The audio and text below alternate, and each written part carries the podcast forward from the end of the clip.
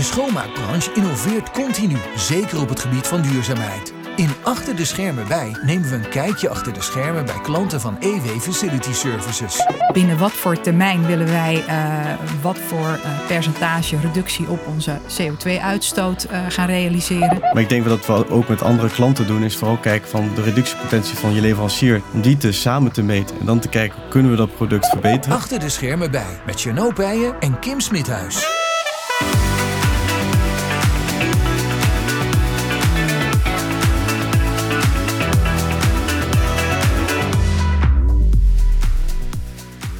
Wat leuk dat je weer luistert. Mijn naam is Chanel Peijen van EW Facility Services. Ik ben Business Development Manager en dit is de derde uitzending van Achter de Schermen bij.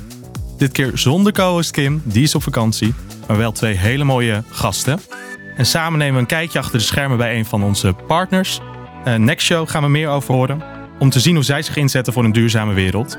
En ook onze CEO Janneke is aan tafel. Uh, welkom. Dankjewel, Chanel.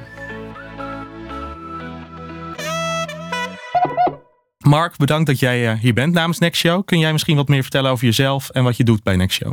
Ja, tuurlijk. Ik zou gewoon willen beginnen ook misschien met een uh, stukje visie waarom ik ook hier ben en hoe zo duurzaamheid een belangrijk element is. En het begint eigenlijk altijd met drie woorden voor mij. Dat is een beetje het bewustzijn over duurzaamheid, wat dat nou betekent. En dat is ook wel waarom Next Show Projects uh, bestaat, over zelfontwikkeling. Dat is gewoon heel belangrijk. Dan kom je op het stukje dankbaarheid. Ik denk dat allemaal denk, uh, denk ik dankbaar mogen zijn waarom we hier zijn en waarom we op deze manier kunnen leven. En alles uiteindelijk van hoe kunnen we de duurzame wereld opstellen. Dus dat is ook wie, wie ik ben. En ik ben dan zelf de CEO en uh, medeoprichter van Nexo Projects. Om juist te helpen bedrijven van, van compliance to purpose. Dat is, uh, dat is mijn doel. En een duurzame wereld realiseren. Er zijn natuurlijk verschillende consultancybedrijven die dit doen. hoe pakken jullie dat dan aan? Ja, klopt. Er zijn natuurlijk heel veel verschillende consultancies. Waar wij ons een beetje onderscheiden is omdat wij een internationaal bureau zijn. Dus wij opereren dan in 25 verschillende landen. Maar we proberen te helpen hoe we de internationalisering in duurzaamheid kunnen versnellen. Dus dat betekent niet alleen maar op nationaal niveau, maar ook op internationaal niveau. Dus daar helpen we bedrijven echt meer eerst te beginnen met die regelgevingen waar we allemaal mee zijn. Um, jullie hebben natuurlijk ook uh, te maken met natuurlijk hoe klanten bepaalde dingen aanvragen over duurzaamheid. Of juist leveranciers. Dus we proberen juist op die manier die klanten te helpen op hun strategie, op hun eh, CO2-emissies, uh, op hun levenscyclus van bepaalde producten. Doe het maar op. Dat is eigenlijk die one-stop shop waar wij, waar wij op proberen in te spelen.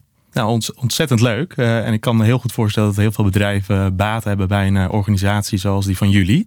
Janneke, als EW zijnde zijn we nu ook volop uh, bezig met duurzaamheid. Kan jij misschien ook voor de luisteraar vertellen eigenlijk wie je bent en wat wij aan het doen zijn? Ja, zeker.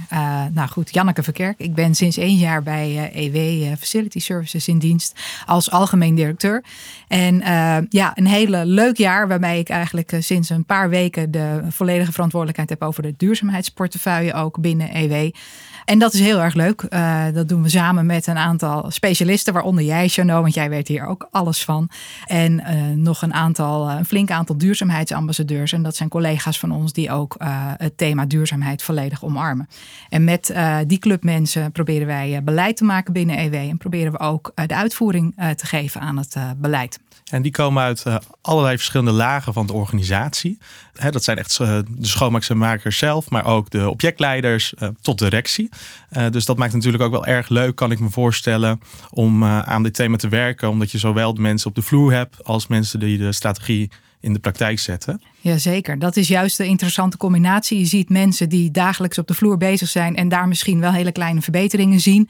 En je ziet daar ook uh, hoog over mensen die daar op een hele andere manier naar kijken. Bijvoorbeeld de mensen die met Nexio bezig zijn geweest. Uh, maar de verbindingen worden wel op die manier met elkaar gelegd. Ja, het is dan ook niet zo gek dat EW heeft besloten om uh, met Nextshow samen te gaan werken. Kan jij misschien, uh, Mark, wat vertellen over de samenwerking met EW? Hoe jullie dat hebben aangevlogen en hoe jullie hebben gezorgd om ons bedrijf wat meer duurzaam te maken? Ja, natuurlijk. En ik kan beginnen natuurlijk met, samen toen met jou, Jano, en met, met het team van jou, Janneke, was super. Hoe we eerst, in jullie eerste vraagstuk, weet ik nog, was echt rondom het levenscyclus. Hoe kunnen we een verandering brengen naar onze klanten? Om meer uh, awareness te brengen wat nou duurzaamheid betekent. Hè? Wat is er nou een verschil met jullie dienstverlening vergeleken met andere dienstverleningen van jullie concurrenten? Dus dat was echt een heel mooi vraagstuk. En daar zijn we toen mee begonnen en dat is een beetje uitgekleed. En toen zijn we natuurlijk begonnen met uh, de CO2-emissies. Want daar begin je natuurlijk mee van wat is jullie impact zelf als EW-facility zelf. En dan zijn we natuurlijk begonnen om die scope 1, 2 en 3 inzichtelijk te gaan maken. Om een beetje die nulmeting te zetten. Om dat weer terug te koppelen naar, naar jullie service, naar tenders of naar, eh, naar jullie klanten toe. Om een beetje meer die awareness te brengen van wat het nou precies betekent om service A en service B met EW Facility te doen. Soms merk je, wat we natuurlijk ook samen hebben gezien, dat soms klanten nog puur de keuze op prijs zetten en soms niet weten dat een bepaalde prijs ook een bepaalde impact heeft.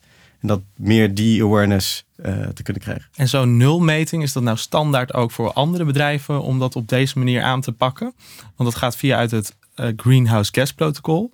Uh, is dat iets wat je bij de meeste bedrijven zo implementeert of is dat heel bedrijf specifiek gebonden? Nou, je moet sowieso met, een, uh, met, met de Greenhouse Gas Protocol beginnen. Dus je moet sowieso je scope 1, 2 en 3 meten. Want anders heb je geen nulmeting van, van waar je staat op basis van, van CO2. Dus die moet je sowieso doen. Dus daar beginnen we als, als startpunt. Van dat startpunt af komen natuurlijk bepaalde resultaten uit. En van die resultaten kan je dus bepaalde reducties gaan initiëren. Of kan je kijken om bepaalde richtingen op te gaan. Om juist de wereld weer een betere plek te maken. Of juist jouw product weer te verbeteren. Dus kan je bepaalde simulaties maken. Het hangt er net weer vanaf waar je staat. Maar die, die scope 1, 2 en 3 is gewoon essentieel om te weten waar jij staat als, uh, als bedrijf. En kan jij voor de luisteraar die niet weet wat de scope 1, 2 en 3 missies zijn, kort uitleggen wat het verschil is in deze verschillende scopes? Ja, natuurlijk. Dus je hebt de scope 1, dat is echt je directe emissies. Dus alles wat je in je bezit hebt als bedrijf, daar komen bepaalde uitstoot uit. Dus dat is eigenlijk uh, stap 1. Dat is nog normaliter best wel klein, want heel veel bedrijven bezitten niet heel snel hun gebouwen en hun auto's. Dan ga je naar het stukje ook directe emissies wat je hebt, maar op basis van leasing. Dus dat is best wel wat grotere voor sommigen. In jullie geval is, uh, is dat heel mooi. Jullie hebben 100% uh, duurzame energie die jullie aankopen. Dus dat is meteen eigenlijk een nul. Uh... Daar zijn we heel blij mee, Janneke. Mm -hmm. Ja, dus dat is wel echt wel heel mooi. Dus dat is eigenlijk alles te maken met koeling, met verwarming, met elektriciteit, et cetera. En dan de scope 3 is eigenlijk alles wat er buiten je muren omgaat. Hè? Dus alles wat buiten het bedrijf omgaat. Je leveranciers, het werk-woonverkeer. hoe ga je, zijn je werknemers misschien aan het reizen? transport, uh, logistiek, alles wat je aankoopt. En dan voor jullie geval is dat natuurlijk het aankopen van producten natuurlijk best wel een groot stuk. Dus daar gaan we natuurlijk mee aan de slag. Dus dat zijn die drie verschillende scopes waar je, waar je mee omgaat. Waarbij ja, 90% van de tijd de scope 3 de grootste is. En ook in jullie geval, ik dacht dat uit mijn hoofd 95% van jullie emissies de scope, scope 3 is. Ja, ja, klopt zeker. Ja. ja. we zijn er natuurlijk met Evi, ook een van onze duurzaamheidsspecialisten, aan de slag mee gegaan. Ja. Het was een uh, bulk aan data dat we moesten gaan verzamelen. En we vonden het ook lastig om wel uh, richting te krijgen van welke kant moeten we nou op om, te, om ervoor te zorgen dat onze klanten zeker weten van uh, ja, we zijn met het juiste bezig en we zijn op de juiste manier aan het reduceren. Ja. hoe hebben jullie ons daarbij ondersteund en kun je ook misschien het proces echt met Evi nou, en ik was er ook bij en, ja. en Maaike misschien wat duidelijker beschrijven? Ja, met jullie team en met ons team zijn het is eerst natuurlijk altijd kijken hoeveel data is er beschikbaar. Ik denk dat datastuk wat je zegt is altijd een beetje het, het hoofdpijndossier van hoe ver kan je gaan. Want je kan natuurlijk aan de ene kant kan je deze emissies uitrekenen op de data die een bedrijf heeft, of echt puur op spend. Dus hoeveel geld wordt er uitgegeven op post X en daar ga je een emissiefactor op aankoppelen. Nou, het mooie was met jullie is dat we na heel veel onderzoek zagen we in eerste instantie dat jullie 50% data aanwezigheid hadden. Dus dat is natuurlijk best wel uniek, want zeker op scope 3 is best wel intens om met al je leveranciers, daar moet je scope 1 en 2 weer gaan ophalen. En bij andere partijen moet je ook weer heel veel data ophalen. Dus dat was wat jullie wel weer uniek maakt, is dat je die 50% data beschikbaar had. En 50% hebben we wel op basis van spend en uh, met emissiefactoren gedaan. Dus dat betekent dat jullie best wel een hele hele precieze uitrekening hebben gehad. Um, hoe zijn we daarmee aan de slag gegaan? We zijn eigenlijk eerst natuurlijk begonnen met de inventarisatie van wat zijn alle posten waar jullie een bepaalde impact op hebben. Dat zijn eigenlijk al die hotspots, want zeker op scope 3 heb je 15 verschillende categorieën waar je op kan, uh, waar je op kan meten. Nou, in dit geval bij jullie waren niet alle 15 relevant. Dus daar zijn we toen natuurlijk met, uh, met jullie mee aan de slag gegaan van die 15 terug te koppelen naar 8. En van die 8 zijn we natuurlijk verder gegaan uh, gaan meten om te kijken wat uiteindelijk die emissie is. En waaruit blijkt dat 95% dus van jullie emissies dus in die, in die scope 3 was. Die tussenstappen waar we, waar we het natuurlijk over hebben gehad, was aan de ene kant de data ophalen. Je moet ook kijken de zuivering van de data. Dat was natuurlijk altijd de moeilijke. Van wat is de oorsprong? Klopt het? Je ziet heel veel partijen van Excels naar Excels naar Excels. En dan weet je eigenlijk niet meer wat de origine van de data is. Um, en dan uiteindelijk komt de calculatiemodel aan te pas. En daar zijn we, dat komt eigenlijk stukjes terug bij ons om de calculatie op basis van, die, van het eh, Greenhouse Gas Protocol uit te voeren. En zo die calculatie naar jullie ook uh, terug te brengen. Ja, vanuit daar weten we dan hoeveel CO2 we uitstoten. Ja. Dat, nou, de cijfers komen wellicht later nog wel even op. Ehm, maar vanuit uh, dat getal moeten we gaan handelen. En moeten we gaan kijken hoe gaan we dan reduceren. Hoe zijn jullie dan op bepaalde aanbevelingen gekomen voor ons als schoonmaakbedrijf om dat te gaan doen? Uh, hè, als we het nu al over hebben, dan uh, vind ik, terwijl ik hier zelfs voor gestudeerd heb, het altijd nog redelijk complex. Ja. Dus zeker voor, nou, voor ons met 4000 medewerkers is het altijd een beetje lastig om te kijken van, nou, waar gaan we nu ons geld in investeren? Waar kunnen we de grootste impact in maken? Nou, daar hebben we jullie voor als partner om daarin mee te kijken. Wat zijn de aanbevelingen die jullie uh, hebben gegeven? Nou, ik denk dat de, de stap 1 was van uh, wat zijn de vier grootste uh, emissiefactoren waar jullie in zitten. Nou, en die vier was de, gekochte goederen was, en de diensten was natuurlijk een, een hele grote. Jullie gebruiken natuurlijk best wel veel aan de ene kant materialen, maar ook producten, chemicaliën in sommige gevallen nog, die natuurlijk aan te pas komen, waar je natuurlijk niet onderuit kan in, in jullie geval. Je hebt het woon-werkverkeer van werknemers. Je hebt enorm veel klanten natuurlijk op nationaal niveau waar je natuurlijk allemaal naartoe moet gaan. Dus dat is natuurlijk ook een, een onderdeel wat, waar aan te pas kwam. Het afval bij die activiteiten natuurlijk een laatste en kapitale goederen. Dus daarvan die vier zijn we natuurlijk om bepaalde aanbevelingen gekomen. We zijn natuurlijk gaan kijken van hoe kunnen we de mobiliteit uh, gaan aanpassen. Dat was natuurlijk uh, een, een bepaald onderdeel. we zijn gaan kijken natuurlijk naar het elektriciteitsverbruik bij, bij de partijen en bij jullie zelf. In dit geval vooral bij de klant, omdat intern was dat natuurlijk door duurzame energie al opgepakt. En dan natuurlijk ook alles rondom kleding in de gezondheidszorg en de, de poetsdoeken. Dat waren ook weer een stuk van hoe kunnen we dat efficiënter maken? Hoe kan de productie efficiënter komen om zogenaamd, dat daar best wel veel emissies uitkomen, om die transitie ook te versnellen. Dus dat waren even de drie grote die we eruit hebben gepakt op dit moment. En natuurlijk is er nog een hele andere lijst erbij, maar dit waren even de top waar we op uh, gefocust hebben. Ja. En dan uh, Janneke, dan krijg je zo'n groot aanbevelingsrapport uh, op jouw mat vallen vanuit Nextio. Hoe handel je dan verder? Wat zijn dan de vervolgstappen voor EW? Nou ja, goed. Wat, uh, wat voor ons heel erg belangrijk is, is dat we vooral nu op basis van de data die we eindelijk hebben verkregen, want dat was inderdaad wat jullie al zeiden, een hele klus om überhaupt de inzichten te krijgen, om op basis van die inzichten met elkaar nieuwe lange termijn doelstellingen te bepalen. En die termijn, lange termijn doelstellingen, die zijn we nu op dit moment aan het bepalen. We zijn echt een vlag aan het zetten om te kijken, goh, binnen wat voor termijn willen wij uh, wat voor uh, percentage reductie op onze CO2-uitstoot uh, gaan realiseren. En hoe gaan we dat voor elkaar krijgen? En de drie vlakken waar Mark het net over had, dat zijn specifiek de, de, de vakken waar wij de winst op kunnen boeken. en waar wij planmatig mee aan de slag gaan. Uh, met het team wat ik net noemde. Ja. En voor de luisteraar, uh, dat is dan bijvoorbeeld woon-werkverkeer. Ja. Maar ook uh, middelmaterialen. Ja. En dan de laatste afval. is afval. Ja. Ja, ja. Dus dat zijn echt de drie grootste thema's voor ons als schoonmaakbedrijf. Maar waarschijnlijk ook wel voor andere schoonmaakbedrijven. Kijk ik even Mark aan. Ja, uh, ja waar uh, we nu uh, op moeten gaan handelen. Absoluut. En we handelen daar al wel op. Als je bijvoorbeeld kijkt naar woon-werkverkeer. Wij, wij hebben al ons wagenpark vergroend of verduurzaamd. We hebben al flink wat middelen en materialen die onze collega's dagelijks gebruiken. Die hebben wij al ja, in, een, in een duurzame variant. dus we zijn daar al absoluut, hebben we daar al stappen in gemaakt. Alleen zie je wel op basis van zo'n rapport dat ook de aannames die je daarop hebt gedaan toch wel wat aanscherping verdienen. Dat daar toch nog wel een slag op te maken is. Hoewel je dacht dat je goed bezig was, dat het eigenlijk nog wel beter kan. Uh, dus daar uh, zijn we druk mee bezig op dit moment. Ja, want dat, is uiteindelijk het resultaat wat onze klanten natuurlijk ook willen zien. Uh, de reductie, maar ook in de vorm van innovatie. Hoe begeleiden jullie daar bedrijven bij, Mark? Want nu ben je echt bezig op strategisch het inzichtelijk maken. Je hebt eigenlijk je nulmeting. kan je een roadmap gaan maken. Maar die implementatie, om het echt daadwerkelijk te gaan doen. Ja, ik denk dat we daar in heel Nederland wel mee zitten.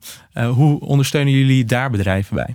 Nou, hoe we, hoe we daarbij aan de slag gaan, is dat je dan natuurlijk een reductieplan gaat doen. Dat, hoe ga je de, de, de carbon natuurlijk verminderen van, van bedrijven? Dus dan begint, neem je weer terug die nulmeting. En dan ga je de reductiepotentie uitrekenen. En dus uh, je gaat natuurlijk kijken, in jullie geval is scope 3 een, een hele belangrijke. Dus dan gaan we natuurlijk kijken van die scope 3, hoeveel procent kan je echt daadwerkelijk gaan, gaan reduceren. In sommige gevallen uh, kan je heel ambitieus zijn. Natuurlijk de, de 1,5 graden die we in 2050 met z'n allen willen behalen. Dus we proberen ook in lijn met natuurlijk het Parijsakkoord de lijn in te zetten hoe ieder bedrijf daar kan bijdragen om die 1,5 graden te doen. Dat is eigenlijk ook onze ambitie. We willen wel de challenge neerzetten. Om dat te doen, dan ga je weer iets dieper in de organisatie. Dat betekent dat je met management en dat natuurlijk ook uh, Janneke, waar jij natuurlijk ook mee bezig bent samen met ons, om te kijken van wat is nou de ambitie van het management. Want je moet ook daar de, de buy-in hebben om de vervolgstap te kunnen doen. In sommige gevallen moet je best wel wat grote investeringen doen. Of je moet echt grotere leveranciers laten vallen voor andere leveranciers. Dus daar zie je gewoon hele grote stappen en weer meer strategische stappen die gezet moeten worden. Weet je, die reductie van 1 of 2 procent, daar gaat het niet om. Het gaat meer van hoe kunnen we die 10 tot 30 procent, misschien 40, 50 procent. Dat in 2030, als je mee wil gaan met het Parijsakkoord, moet je toch 50 procent reductie op je, op je emissies hebben om, om die stappen te kunnen zetten. Dus daar is het best wel een grote stap om, om dit, dit te kunnen analyseren. En dat begint allemaal met simulaties van bepaalde producten die jullie hebben. En ik weet dat jullie al heel veel doen op dat vlak met de producten die jullie gebruiken. Maar hoe kan je dat nog meer challengen en nog meer alternatieven vinden? En soms zit je wel vast dat je niet per se alternatieven hebt. Dus dat is nog wel een beetje de moeilijkheid en de complexiteit die je net benoemde, waar je, waar je soms mee zit. En hoe zie je dat in andere branches? Want ik kan me ook goed voorstellen dat zij ook in de keten erg verantwoordelijk zijn van hun leveranciers. Ja. En dan moet je op een gegeven moment een keuze gaan maken. Ga ik door met deze leverancier? Breek ik het contract open? Wacht ik het contract af totdat ik met een nieuwe partner in zee ga? Of ga ik kijken met mijn partners op uh, een andere wijze in hoe het wel duurzaam kan? Uh, Wat is jouw mening? Zijn er juist nieuwe innovatieve bedrijven waarvan je denkt die kunnen het eigenlijk sneller aan en daar zouden we in moeten gaan investeren? Of geloof je juist in die keten samenwerking met de partners die je al binnen je bedrijf hebt? Nou, en ik denk, ik denk dat is ook wat, wat jullie heel erg siert als bedrijf. Het is elke keer de samenwerking is gewoon heel belangrijk. Ik denk dat een, een, een leverancier afstoten is een resultaat dat je dan er echt samen niet uitkomt. Maar ik denk dat we ook met andere klanten doen, is vooral kijken van de reductiepotentie van je leverancier, die misschien niet de capaciteit heeft soms om zijn eigen CO2 te meten. Om die te samen te meten en dan te kijken, kunnen we dat product verbeteren? En dan misschien samen de investering doen. Want soms is de investering zelfs uit het bedrijf zelf zelfs beter dan het helemaal afstoten. Want die investering om weer een nieuwe leverancier te vinden, te wetten en te introduceren kost soms veel meer geld dan de, de leverancier te behouden. We zien steeds meer dat natuurlijk samenwerking een heel groot woord is eh, dit jaar in, eh, in duurzaamheid. Je kan niet meer in silo's werken. Je kan niet meer zeggen, ik, ben, ik werk niet meer met mijn concurrent. Soms is, zie je nu langzaam concurrenten samenwerken om bepaalde doelen te halen. Dat is wel wat, wat mooi maakt van duurzaamheid. Dat je bepaalde eh, groepen en bepaalde hoeken waar iedereen in zit ook doorbreekt om meer samenwerking in te gaan. Dus in mijn geval zou ik zeggen, hoeveel kunnen we meer samenwerken met elkaar? Dat zou mooi zijn. En als we dan kijken naar onze samenwerking, die heeft bijna wel twee jaar geduurd om tot die goede calculatie te komen, tot die nulmeting, maar ook tot een calculatiemodel. Ja. Nou, daar uh, straks iets meer over. Maar eigenlijk als je kijkt naar uh, de nulmeting, die vrij standaard is, dan wil je een slag gaan slaan naar je klant toe. Dat wilden wij heel graag, omdat we wilden inzichtelijk maken wat is de impact nou op de locatie. We werken bij ja, 100 plus uh, locaties, nou ja, 400 plus locaties door Nederland. En uh, die locaties hebben weer een andere output dan uh, wij totaal natuurlijk doen. Daar hebben we een calculatiemodel voor ontwikkeld. Om te kijken per vierkante meter wat de CO2-output is per locatie. Ja. kan je misschien wat meer vertellen over dat model? Ja, dat is weer terug naar de, de uitvraag die jullie eigenlijk, waar we toen helemaal zijn begonnen met samenwerken. Ik weet nog dat uh, toen met jou, Jano, dat we die vraag toen meteen kregen, maar toen moesten we nog even die stap terugnemen. En van het calculatiemodel is natuurlijk uh, weer terug naar de levenscyclus gegaan. Van, hè, je, je, hebt natuurlijk als EV heel veel impact eigenlijk die jullie onder jullie hoede hebben tussen, tussen de grote klanten en de leverancier in. Dus dat is best wel uniek eigenlijk wat van impact en hoe jullie daarin kunnen bewegen. Dus dat calculatiemodel, zoals je zegt, was het doel om een emissie-intensiteitswaarde uiteindelijk te krijgen. Kilo per CO2 per vierkante meter. Wat natuurlijk het idee was om voor jullie ook te zorgen dat als jullie met de klant in gesprek gaan, kunnen aantonen dat een bepaald traject met EV op die manier zoveel emissies en dit, deze intensiteitswaarde heeft. En dat als je die, uh, dat het huidige traject aanhoudt, dat het die intensiteitswaarde, dat is natuurlijk het uiteindelijke doel. We hebben gekeken natuurlijk vooral in de industrie zoals de gezondheidszorg, als ik het goed heb, met reizen, het onderwijs, de hotels en vastgoed. Ja. Ze hebben wel specifiek even een paar, paar categorieën genomen. En dan zijn we natuurlijk gaan kijken naar de, naar de diensten van EV in, in, en de, hoe we dat kunnen kwantificeren. Dus dat model wat we hebben genomen is hoe we de CO2 hebben gemeten voor jullie in dat model gestopt. Zodat jullie eigenlijk een model hebben dat jullie bepaalde inputs kunnen inzetten. En dat daar ook een, een output uitkomt met uh, de intensiteitswaarde op basis van, van jullie producten, van jullie leveranciers die jullie hebben, et cetera. En dat resulteert dus tot een emissiefactor per vierkante meter. Ja. En als wij bijvoorbeeld weten voor het Scheepvaartmuseum, wij poetsen 4000 vierkante meter. Ja. Dan kunnen wij dus 4000 vierkante meter in dit model stoppen. Om te weten wat dan uiteindelijk de CO2-output is op deze hoofdlijnen van onze dienstverlening. Ja, je zegt het heel mooi. Er zit natuurlijk superveel complexiteit achter. Het gaat natuurlijk om wat voor machines je gebruikt op die locatie. Maar dat is natuurlijk al meegenomen. Ja. Het model van, van eh, stofzuigers, eh, de poetsdoeken, eh, tot en met wat van elektriciteit daar wordt gebruikt, et cetera. Dat wordt natuurlijk allemaal in het model meegenomen om zo tot de juiste output te komen. Zoals jullie ook dat gesprek. En ik weet, had Janneke dat jij al begonnen met die gesprekken met verschillende klanten. eh, dat je op die manier de, meer het gesprek en die samenwerking kan starten. Want hè, je hoort ook sommige bedrijven die hun klanten beginnen af te stoten. Want, dat, want die ook niet vooruit willen. Dus dat is natuurlijk moeilijk. En dan kan je ook een specifieke roadmap maken per klant natuurlijk. Dus dat is eh, Precies. heel fijn. Ja. En uh, Janneke, natuurlijk deden we al heel wat op duurzaamheidsgebied. Uh, we hebben het nu wel heel goed gekwantificeerd ook. Maar kun je ook vertellen hoe wij uh, binnen EW duurzaamheid omarmen? Ja, enerzijds natuurlijk uh, met het, uh, het project Nexio, zeg maar. Uh, dat we, we vinden het binnen EW ontzettend belangrijk om met duurzaamheid aan de slag te gaan. Enerzijds vinden wij het belangrijk omdat we een organisatie zijn met 4000 medewerkers, 91 nationaliteiten, een behoorlijke club mensen hebben. En wij voelen ons ook verantwoordelijk om die mensen ook het mee te geven dat, dat je het ook zelf duurzamer kunt leven.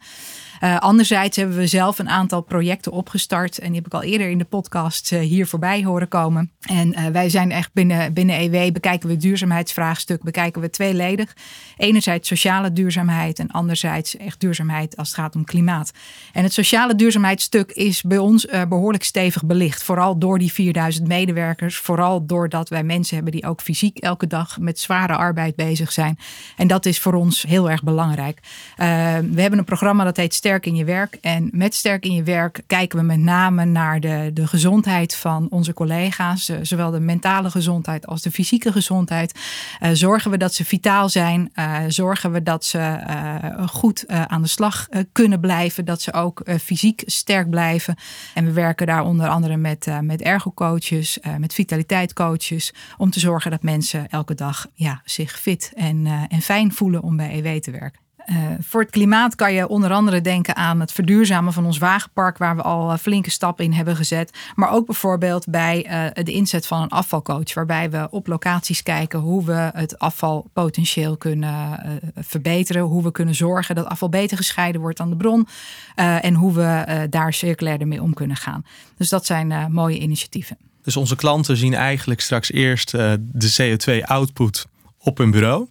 En vervolgens in de operatie gaan ze dus wel nou, innovaties zien of een verschil in functieprofielen. Die uiteindelijk ervoor gaan zorgen om over een jaar, als weer dat verslag op het rapport komt, uh, de output verminderd is. Begrijp ik het goed? Absoluut. We, we zijn actief met onze, met onze opdrachtgevers in gesprek aan het gaan om te kijken van goh, hoe kunnen we met de reporting die we hebben, met de data die we hebben, hoe kunnen wij ons werk beter gaan doen bij jullie? En dat zijn hele interessante gesprekken. En het, uh, het leuke is ook wel, dat zei ik laatst tegen Mark, dat we een hele positief, po positief gesprek hadden bij een klant waar ze uh, behoorlijk stevig wel zaten in het duurzaamheidsthema en toch heel verrast waren over de uitkomsten van de data waar, waar we verbeterslagen op konden maken.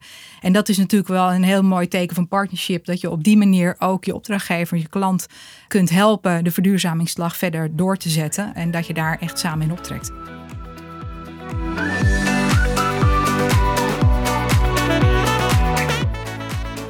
Wil jij meer weten over hoe wij onze CO2 reduceren? Kijk dan op onze website www.ew.nl/slash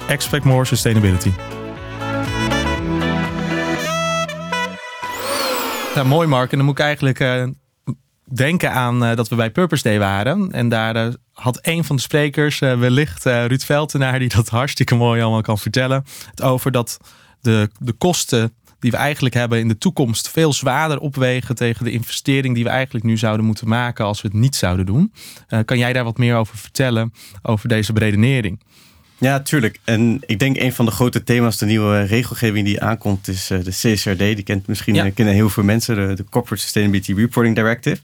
En daar gaat het eigenlijk een beetje, daar gaat het natuurlijk over. Omdat als jij nu zou beslissen om niks in te zetten, en als jij, je hebt een aantal partijen die, die dat hardop hebben gezegd dat ze nu niet gaan inzetten op duurzaamheid, en dan gaan we die 1,5 graden niet aan. Dat is even heel simpel, uh, goed voor de planet, laten we het daarop houden. Maar als je dat ook niet zou doen, dan ga je natuurlijk op hele andere vlakken. En dat is natuurlijk ook voor jou en natuurlijk Janneke super belangrijk. Als werkgever word je waarschijnlijk minder aantrekkelijk, omdat ja, je moet ook talent natuurlijk aantrekken.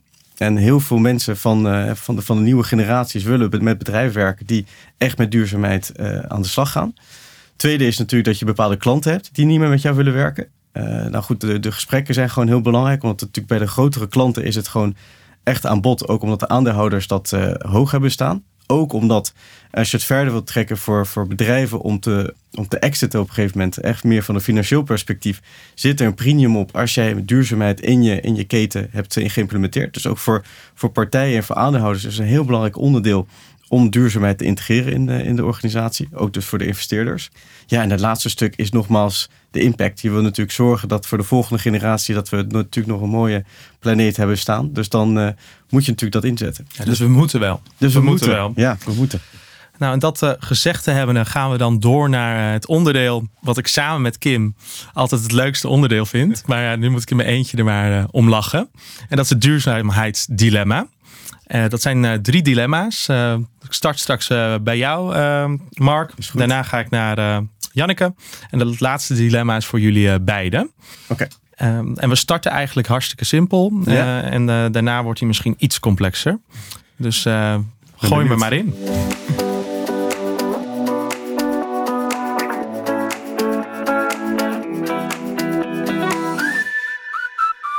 Nou, dan is deze voor jou, Mark. Zon of windenergie? Uh, goeie vraag. Zon. Zon. En waarom zon?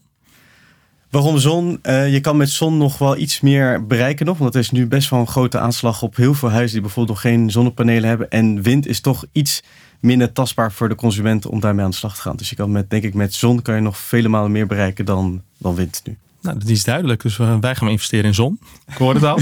Lijkt me goed, ja. Nou, de tweede, die is voor jou, Janneke. Schoonmaken met een klimaatneutrale stofzuiger die om de minuut uitvalt. Of ouderwets met de bezem erdoor. Tja, ja? duivels dilemma. Ja, hij moet snel beantwoord worden. ja, dan denk ik toch die om de minuut uitvalt. Ja? Ja, het, het, is belangrijk uh, in ons werk om efficiënt uh, te kunnen werken. En tegelijkertijd op het moment dat, uh, dat het zo zou zijn dat, dat we alleen maar met een bezem het helemaal niet schoon krijgen, zeg maar, daar wordt ook uiteindelijk toch niemand blij van. En dan is het ook niet vol te houden, denk ik.